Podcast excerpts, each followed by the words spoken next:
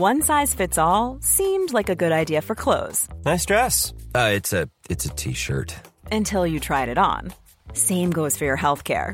That's why United Healthcare offers a variety of flexible, budget friendly coverage for medical, vision, dental, and more. So, whether you're between jobs, coming off a parent's plan, or even missed open enrollment, you can find the plan that fits you best. Find out more about United Healthcare coverage at uh1.com. That's uh1.com. I'm Sandra, and I'm just the professional your small business was looking for. But you didn't hire me because you didn't use LinkedIn jobs. LinkedIn has professionals you can't find anywhere else, including those who aren't actively looking for a new job but might be open to the perfect role, like me. In a given month, over 70% of LinkedIn users don't visit other leading job sites. So if you're not looking on LinkedIn, you'll miss out on great candidates like Sandra. Start hiring professionals like a professional. Post your free job on linkedin.com/spoken today. Many of us have those stubborn pounds that seem impossible to lose, no matter how good we eat or how hard we work out. My solution is PlushCare. PlushCare is a leading telehealth provider with doctors who are there for you day and night to partner with you in your weight loss journey. They can prescribe FDA-approved weight loss medications like Wagovi and Zepbound for those who qualify. Plus, they accept most insurance plans. To get started, visit plushcare.com slash weight loss. That's plushcare.com slash weight loss.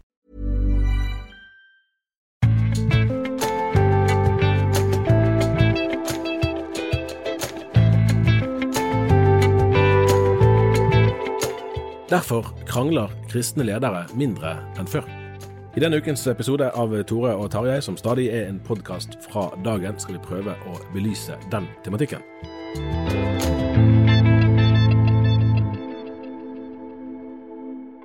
Her i studio sitter jeg, Tarjei Gilje, og Tore Hjalmar Sævik, som har sin ukentlige permisjon fra permisjonen, nemlig pause fra studier. Stemmer. Det er jo eh, stort sett eh, akademisk arbeid jeg driver med for tida. Ja, og jeg vil gjerne sjekke om det er på en måte en halvtime. Er det for kort tid til at du egentlig kan uttrykke deg nå når du er vant til å være blant forskere? Ja, ja eh, det, det er antagelig det. Altså, jeg er nok eh, kommet inn i altfor lange resonnement nå. Men, men eh, misunner du de som kan være forskere? De har jo en anledning til å konsentrere seg om ting over tid som vi i journalistikken ikke har på samme måte. og Samtidig så har vi en variasjon, og så ender vi opp med å konsentrere oss om ting over tid likevel. Det er bare at vi, vi skriver litt mer Vi kan bli avslørt mer om et år at du har sagt mye dumt i mellomtiden, mens det har forskerne bare tenkt uten å skrive det. Ja. Så, sånn at, men men- det, går litt tilbake til Jeg hadde et, eh, hadde et vikariat som, som eh, lærer i videregående for, eh, for noen år siden, og oppsummerte liksom, hva, hva forskjellen var på å være lærer og være journalist. Og da tenkte jeg at som journalist Nei, så, som, ja, som journalist så når jeg folk jeg ikke ser. Som lærer så ser jeg folk jeg ikke når. Og denne har du fortalt noen ganger på lærerværelser og til allmenn åtgaum. Den blir stort sett mottatt med et latterbrøl. eh, og det er jo hyggelig, da. Men, men eh, altså, og det er, jo, eh, det er jo ikke eh, egentlig helt treffende. Det er akkurat som en avistittel. Det er ikke helt, helt dekning for det. Nå, nå er vi på et fint metanivå her. Men, men litt av, litt av dilemmaet en står i, er at en som, som journalist så når du forsøksvis en bred leserkrets, men du kan være usikker på hvor lenge de husker på det du, det Ja, du prøver å formidle. Eh, og driver du mer med forskning, så, så kan du gå veldig grundig inn i ting, men det er ikke sikkert det er så mange som får det med seg. Jeg husker Kåre Valebakk, den liksom legendariske redaktøren i Dagens Næringsliv og i senere TV 2, sa noe sånt som at, at journalistikkens oppgave det er å ta en bitte liten flik av eh, virkeligheten og holde den opp mot evigheten. Det var jo kanskje noe av det mer som poetiske eh, han sa. Men det er jo liksom det store privilegiet her, da, at her og nå kan vi snakke om det som skjer her og nå, men vi må da legge inn store forbehold om at det, det vi ser, er det vi ser. Eh, og når man får mer tid på seg, så ser man kanskje andre ting. Men det skjer fra tid til annen at vi eh, både får nyheter eller eh, rapporter eller er på arrangement der vi opplever at det er et slags utblikk. Ja. Eh, Og, og det var egentlig utgangspunktet for den tittelen som vi valgte i dag, Ja, fordi at vi, vi holdt sammen noen nyhetssaker fra den vika som vi er inne i nå, siste før påske, og eh, et møte som du var på i Norges kristne råd. Jeg kan ta det med, med nyhetssakene først. Eh, Og det var eh, fra Statistisk sentralbyrå. Det kom eh, oppdatering denne vika om at det var færre deltakelser på påskegudstjenester enn før pandemien. Eh, Jeg har ikke hørt om deltakelser, det var et litt nytt Jeg ord antar for at det var flere, færre deltakere Ja, ja. som eh, Ja. Men Du kan si Men- at hvis, flere, hvis man går inn i kirken flere ganger, blir man kanskje registrert som deltakelse. Ja, ja, Men det det. høres jo litt søkt ut, det. Ja. Tror er sånn det må være. Men, men eh, hvis du ser totalt sett på, på Og dette er jo tall fra Den norske kirke, så, så der er jo andre eh, som ikke er med.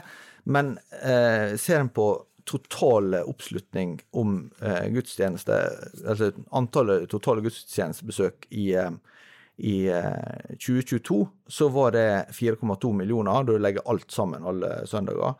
Og eh, eh, det er faktisk en tilbakegang på en million fra eh, 2019, altså før pandemien. Og det, det, er, jo, det er jo ganske betydelig. Ja, Da må man ta forbehold om at de første månedene i 2022 var det jo ikke vanlig.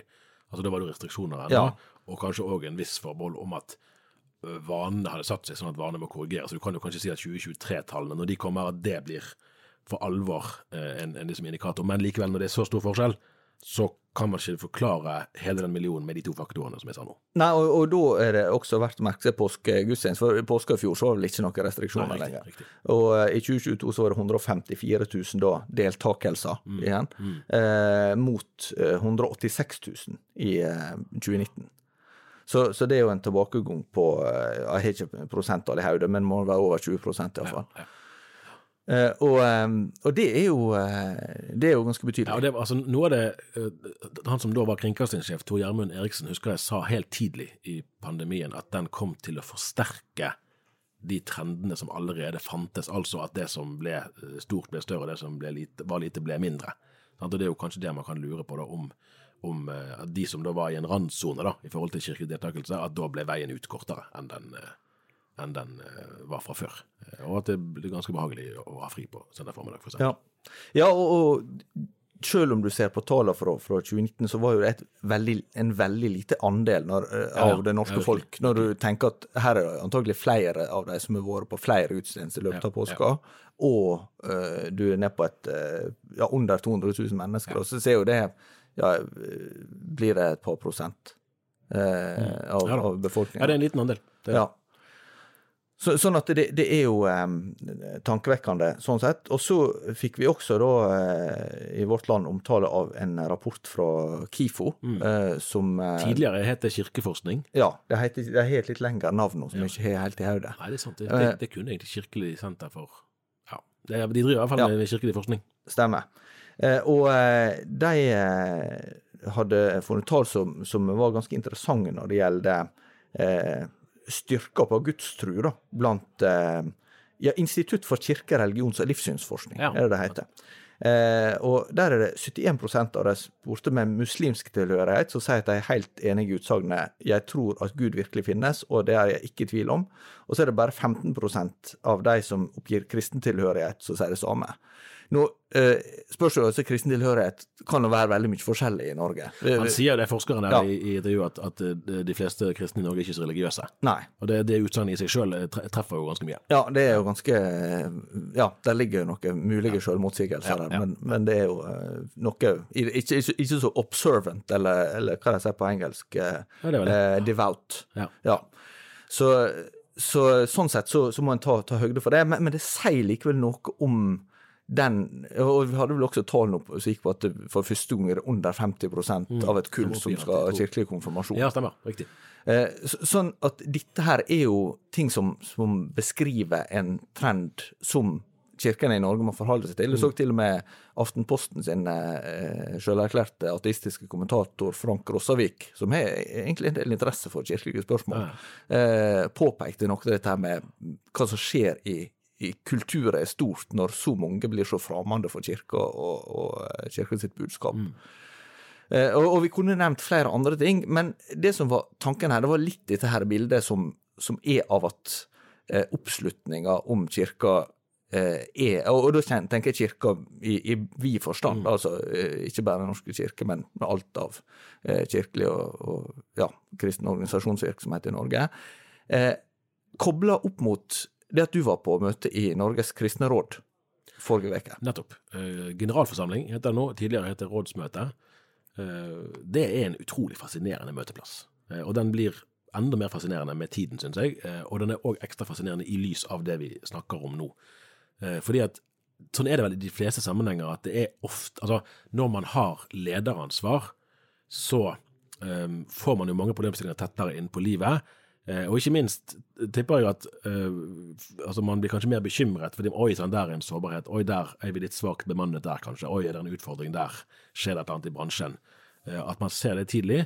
Etter hvert så kommer statistikken sånn som vi ser nå her og forteller, men dette, det bildet her er ikke noe nytt, det er ikke noe overraskende i disse tallene, men dataene bekrefter det inntrykket som allerede var der. Og da, når vi sitter, sitter rundt bordene der i Norges kristne råd, der de fleste kirker i Norge er medlemmer. Altså misjonsorganisasjonene er ikke med.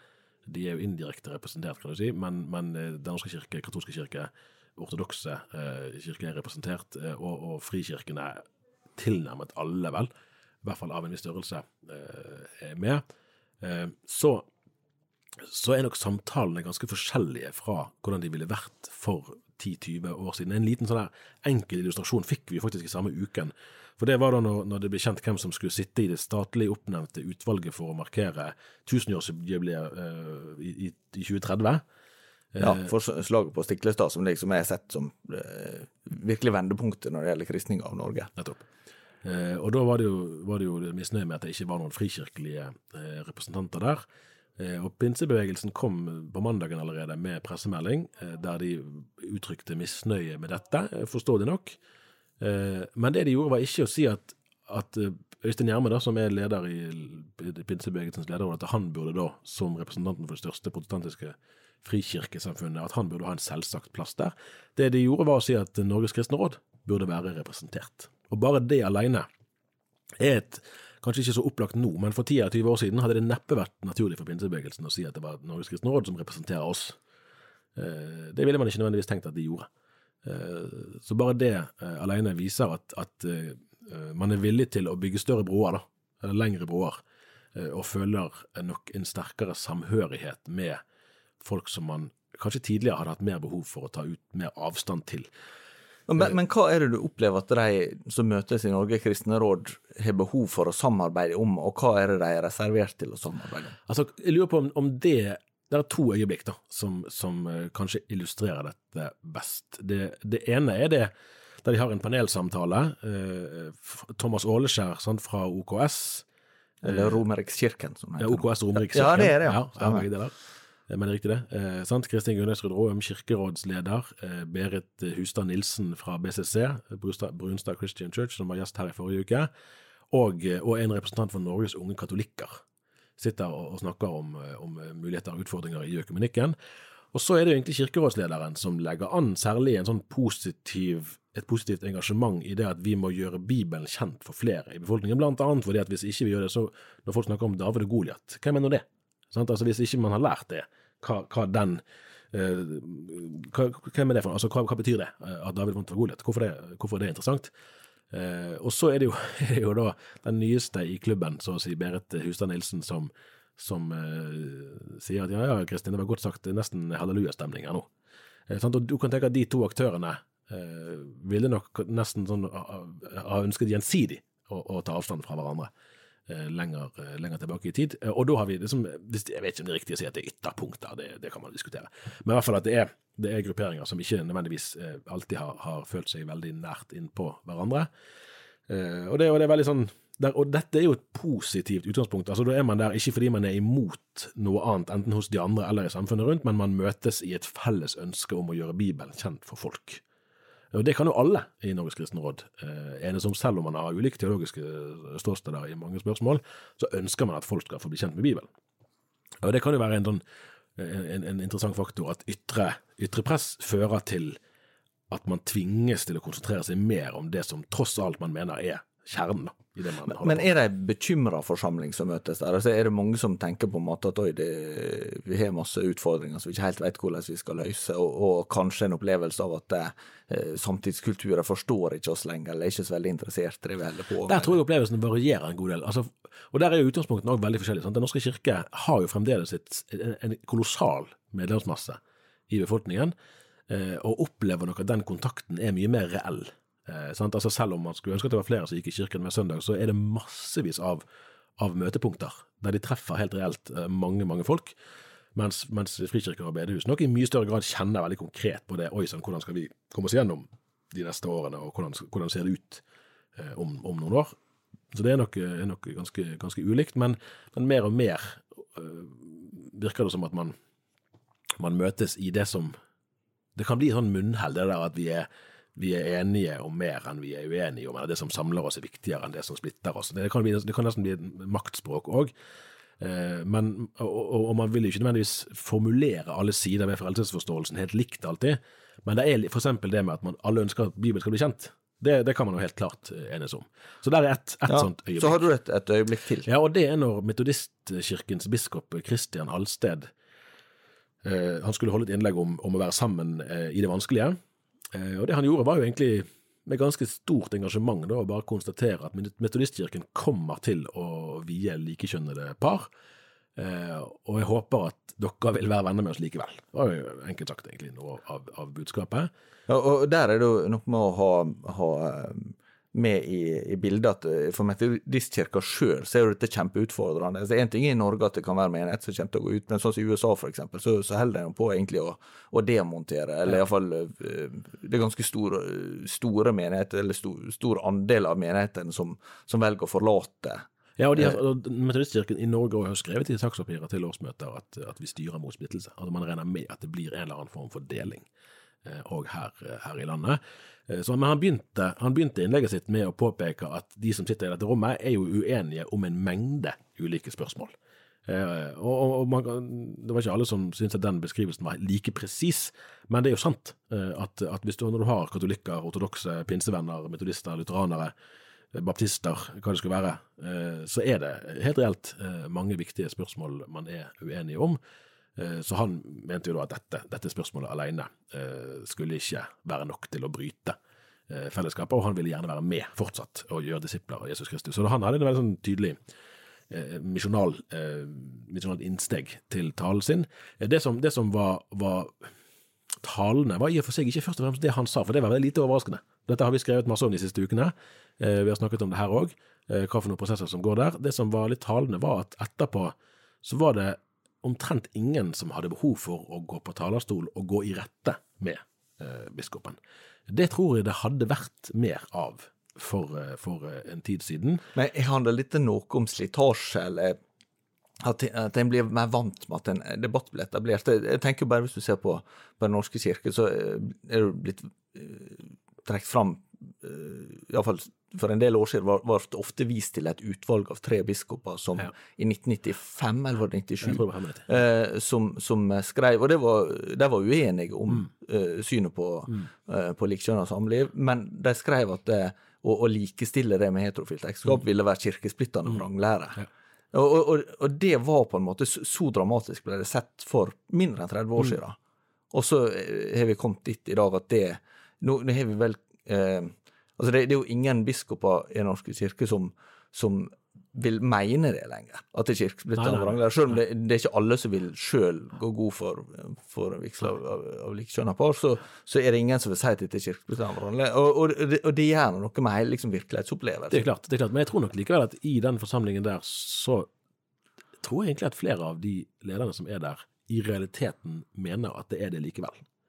Eh, altså på den måten at de ser ikke for seg en tilværelse der, der to ekteskapsforståelser rent faktisk kan leve eh, side om side. Så Det som er, det som er, er liksom påfallende eller interessant, er ikke nødvendigvis selve den teologiske endringen, for de, den utviklingen er jo etter hvert godt kjent, men det er mer det at, at den, de som nå sitter og er generalsekretærer og lignende da, rundt omkring i Kirke-Norge, er jo nå rundt eh, altså i 40-50-årene, da.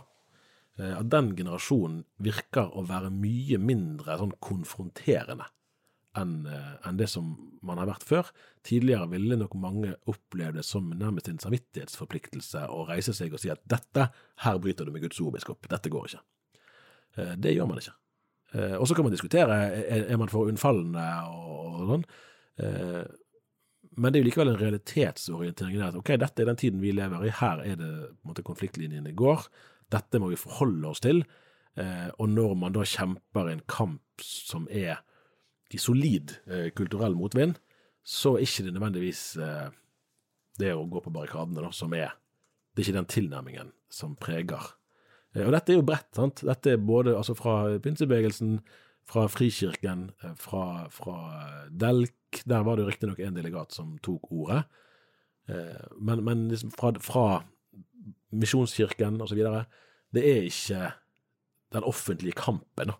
Det er ikke der man, det er ikke der man kjemper. Men handler det noe om også hva type forum Norges kristne råd er? For Ja, det er jo ja, veldig kan bredt, si, men- bredt sammensatt. Ja, det er riktig, det er men, men du ser jo ikke det ellers heller. De kunne Nei. skrive et leserbrev i avisen. Sant? Og her, er vår, her er vårt standpunkt, og vi er sterkt uenige i det Metodistkirkens eh, biskop eh, sa. Det, det skjer jo heller ikke. Sånn at man, man kjemper på en annen måte. Eh, det er ikke nød... Retorikken er nok forandret. Teologien tror ikke jeg er så veldig forandret, ærlig talt, eh, hos de fleste av disse. Men, men det er en veldig forskjellig eh, tilnærming da, til eh, det som har preget ordskiftet før. Ser du andre tegn til det samme? Altså, er dette noe som, som også gjelder utenfor Norges kristne råd? En ting er jo der, altså, for du går inn på en arena der en har en nærmest som en forutsetning at her samles vi på tvers av ting som, som uh, kunne skapt ganske skarp uenighet internt. Uh, men, men Det er mange andre ting man òg kunne diskutert der, Ja, som, ja. som ville skapt sterk uenighet. Uh, nei, altså når det gjelder samlivsspørsmål, det har vi jo snakket om veldig mange ganger før, så opplever jeg egentlig at der, der er det færre og færre som, som er interessert i å, i å bruke liksom, offentligheten da, til å, å, å, fortelle hva man der, det er nok det er ikke sikkert man vet helt sjøl hva man skal gjøre, heller. Eh, Men det er noe av det som, som, som jeg òg vil bare komme innom, som er interessant i en sånn her forsamling, og som jeg tror kan forklare flere ting. Det er jo det, er jo det som vi kan kalle for kryssende konfliktlinjer, eh, som òg er på en måte en, en viktig side ved saken her. At, at, eh, at i politikken så det jo, måler vi fra høyre til venstre, eh, sant? og da er det jo synet på, på skatt, eksempel, eller på hvor mye, eller hvor lite stat det skal være helsevesenet, skole, i det hele tatt. Eh, og den er viktig. Eh, men det er ikke den eneste konflikten. Du har òg f.eks. Eh, by og land, altså Ja, sentraliserings... Sentrum periferi. Riktig, riktig. Stein Rokkan eh, som, her på Universitetet i eh, Bergen fint, som var eh, særlig kjent for det. Og det er jo egentlig en ganske aktuell eh, sak i vår tid, for du hører disse her eh, husker ikke navnet på de som skrev om den, eh, men, men også i en global sammenheng. Eh, som, konfliktlinjer mellom anywheres og nowhere. Ja, eh, og somewheres, ja eh, altså de som har identitet knyttet en plass Mm. og til eh, et visst livsmønster der, eh, og, og gjerne til bestemte arbeidsplasser eller næringer og sånn. Og så har du de som er globalister, eller hva ord en skal bruke, det er jo et litt belasta uttrykk, da, men altså, som er litt sånn mobile og, og som kan ta seg rundt. Eh, Og, og, det er sånn som du er inne på, for det, det ser du også litt av i kirkelig sammenheng. Ja, for der er det jo kanskje mer før, da snakket man jo om forskjeller på høykirkelighet og lavkirkelighet. Eh, og hvis vi skal si det veldig enkelt, sånn, så er det jo på en måte egentlig en forståelse av i hvilken grad er det biskopen eller presten som så å si konstituerer eller opprettholder kirken, og, og i hvilken grad er det eh, folket. Ja, for, for en lavkirke vil jo tenke at embetet kommer nedenfra. Altså hvis noen har fått et kall, så er det fordi at forsamlinga har kalt vedkommende til f.eks. Til, til prest eller til biskop, for den del. At, det, at det, de truende har utpekt vedkommende. For du kan jo si at, at uh, uh, en som er, som er høykirkelig prest, eksempel, vil jo kunne være uenig med en, en biskop i, i noen teologiske spørsmål, f.eks. i samlivsetikken, men vil likevel ha såpass mye felles liturgisk forståelse at man kjenner en sterkere totalt sett tilhørighet der enn f.eks. med en karismatisk pinsevenn. Eh, at der, at der, er det, der er det andre ting som, som, eh, som eh, skjærer, da. Og motsatt. Så at, en pinsevenn kan si at jeg er enig, enig i samlivsteologien til den og den presten, men jeg klarer ikke liturgien. Jeg klarer ikke salmesangen og messingen og alt det skulle være.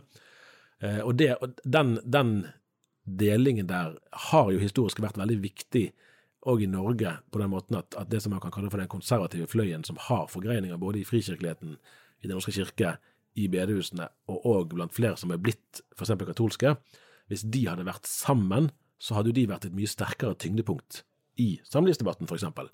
Men i og med at de er spredt av andre spørsmål, så blir den fronten mye svakere. Og dermed kan du si at en annen konfliktlinje enn eh, konservativ-liberal har sånn sett fått større, eh, rent sånn konkret, praktisk betydning for tyngdepunktene. Eh, og dette ser man jo òg utkrystallisere seg i en sånn her forsamling, at når man f.eks. skal diskutere Jeg har sett nå at man skulle snakke om lovsang, da. Sant? Hva, hva slags sjangerbredde, hva slags tema egner seg for den kristne sangen?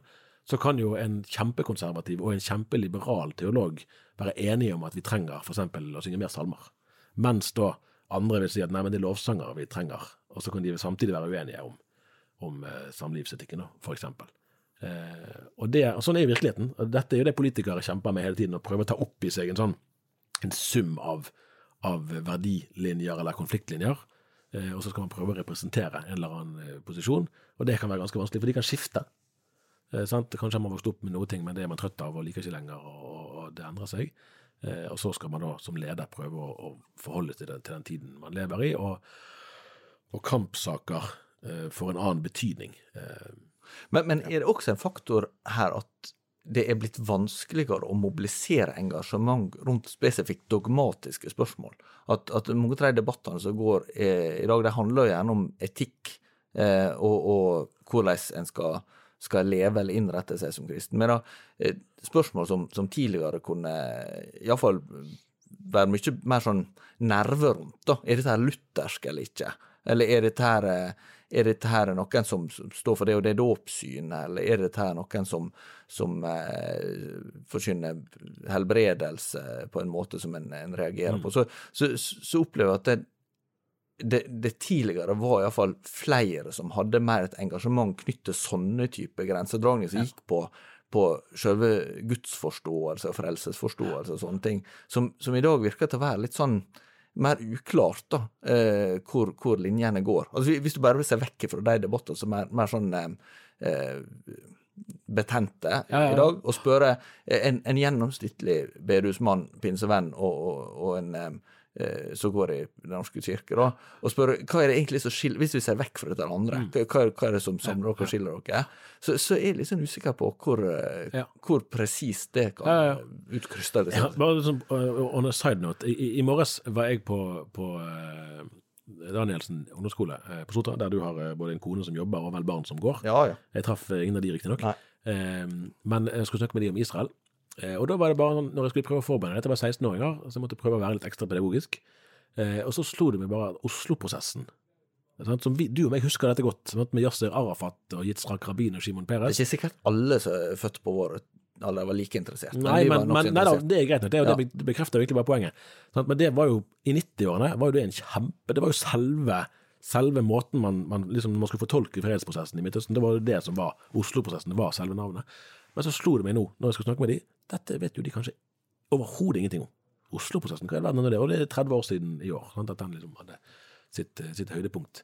Eh, så ting, ting forandrer seg, da. Du kan jo si at, at det som var og det er en, egentlig en relevant parallell på mange måter, det, at de, de posisjonene som ble etablert i den prosessen, er jo gjerne noe av utgangspunktet for samtalen, fremdeles, så den har en betydning, men at selve liksom, aktørene der er, langt bak i bevisstheten. Og, det, og der kan du si at, at mange av de kirkelige kampene som har foregått i tiårene før oss, det er nesten bare pensjonister, eh, eller altså folk som er i nærheten av pensjonsalder, som egentlig husker det, og som egentlig har det som et aktivt eierskap til de. Det er andre ting som engasjerer eh, i dag. Eh, Og det må man jo òg forholde seg til, da, på en eller annen måte, som, som kirkeleder. Der er jo for eksempel Du kan jo si i dag sant, at, at eh, klimaengasjementet er mye lettere å få øye på enn en engasjementet mot, eh, mot selvbestemt abort. Ja, ja, det var jo også på et klimamøte. Dagen etter, på, på fredag, var det. Veldig interessant. Virkelig. virkelig. Og det tror jeg blir en sånn Det var her i Bergen, Det og det var mer sånn det en vil kalle konservative aktører. Ja, det var nok et poeng, det at det var, eh, det var folk som, som eh, både i frikirkeligheten og på bedehuset som, som ville plassere seg konservativt i den liksom, generelle teologiske debatten, men som virkelig var opptatt av å ta eh, forvalteransvaret på alvor, og, og egentlig å hente impulser fra, fra pietisme og fra gudsfrykt med nøysomhet, altså fra vanlige kristne idealer, til å forstå hvordan skal vi, skal vi fly mindre, skal, skal vi for, altså kaste mindre klær, helt sånn konkret, eh, hvordan skal vi leve, leve livene våre. Eh, Og jeg tror det, Du skal ikke være mye til profet for å si det at hvis at den, Du kan nesten, nesten spissformulere det sånn at, at den kirken som ikke klarer å legge frem et ektefølt og kristent forankret miljøengasjement, vil ha veldig vanskelig for å klare å engasjere ungdommene sine i kampen mot abort. Fordi at det vil oppleves som at man sover i timen og har selektivt, en selektiv etikk. Eh, Det går ikke. Og sånn var det ikke i din og min eh, ungdom. Eh, Så det er kanskje òg noe av grunnen for at, for at kristne ledere krangler mindre. At det er, jeg tror det er flere som mer eller mindre stilltiende innser at vi har nok vært for store i kjeften tidligere. og kranglet for mye over ting som, som Svarene var ikke så enkle som vi, som vi var opplært til.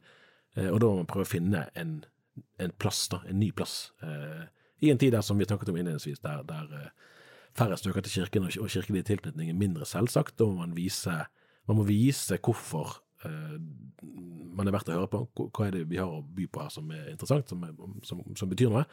Eh, og det kan man ikke gjøre like lett som før. Vi tenker at det var det vi rakk i dag, og så er det påske i neste uke. Den stille veke først, og så uh, selve påska. Og uh, da tenker vi også at det kan være stille veke herfra. ja, det var, jeg tok det fint. Liten påskeferie der. Ja, men vi kommer tilbake over påske, sånn. Ja, ja, ja. Og vi skal vel eh, på et par gudstjenester underveis, kanskje? Det, ja ja. Det, og det vil vi også oppfordre. Ja, det var det vi bare ville legge inn. Og, uh, ikke, ikke fylle påska med innhold, men la seg fylle av påska. Jeg prøver å gå inn og ut et par ganger, sånn at deltakelsen går ja, det... ekstra opp. Hvis det telles. Ja, ja, deltakelse. Det er stikkordet. Vi sier god påske. Vi høres igjen. Ha det bra.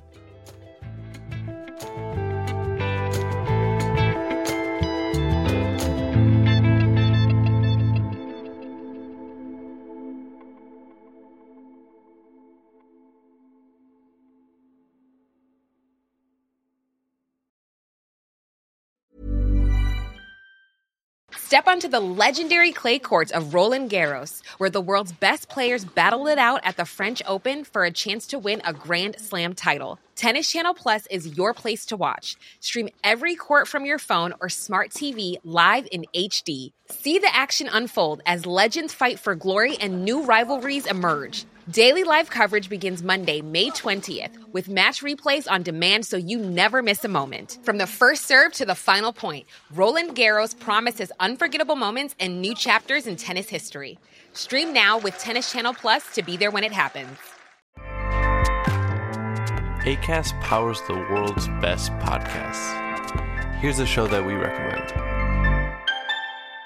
The Real Housewives is a guilty pleasure for most, but if you're looking to not feel guilty about that pleasure, tune in to Everything Iconic with me, Danny Pellegrino, where I break down all the messy moments and behind the scenes antics of Bravo's popular franchise. And on Everything Iconic, I also interview celebrity guests like Kelly Ripa, Kiki Palmer, Drew Barrymore, Cameron Diaz, and more about their guilty pleasures, their past work, and so much more. So if you're pop culture obsessed and find yourself watching way too much reality TV like me, tune in to Everything Iconic with Danny Pellegrino wherever you listen to podcasts. ACAST helps creators launch, grow, and monetize their podcasts everywhere. ACAST.com.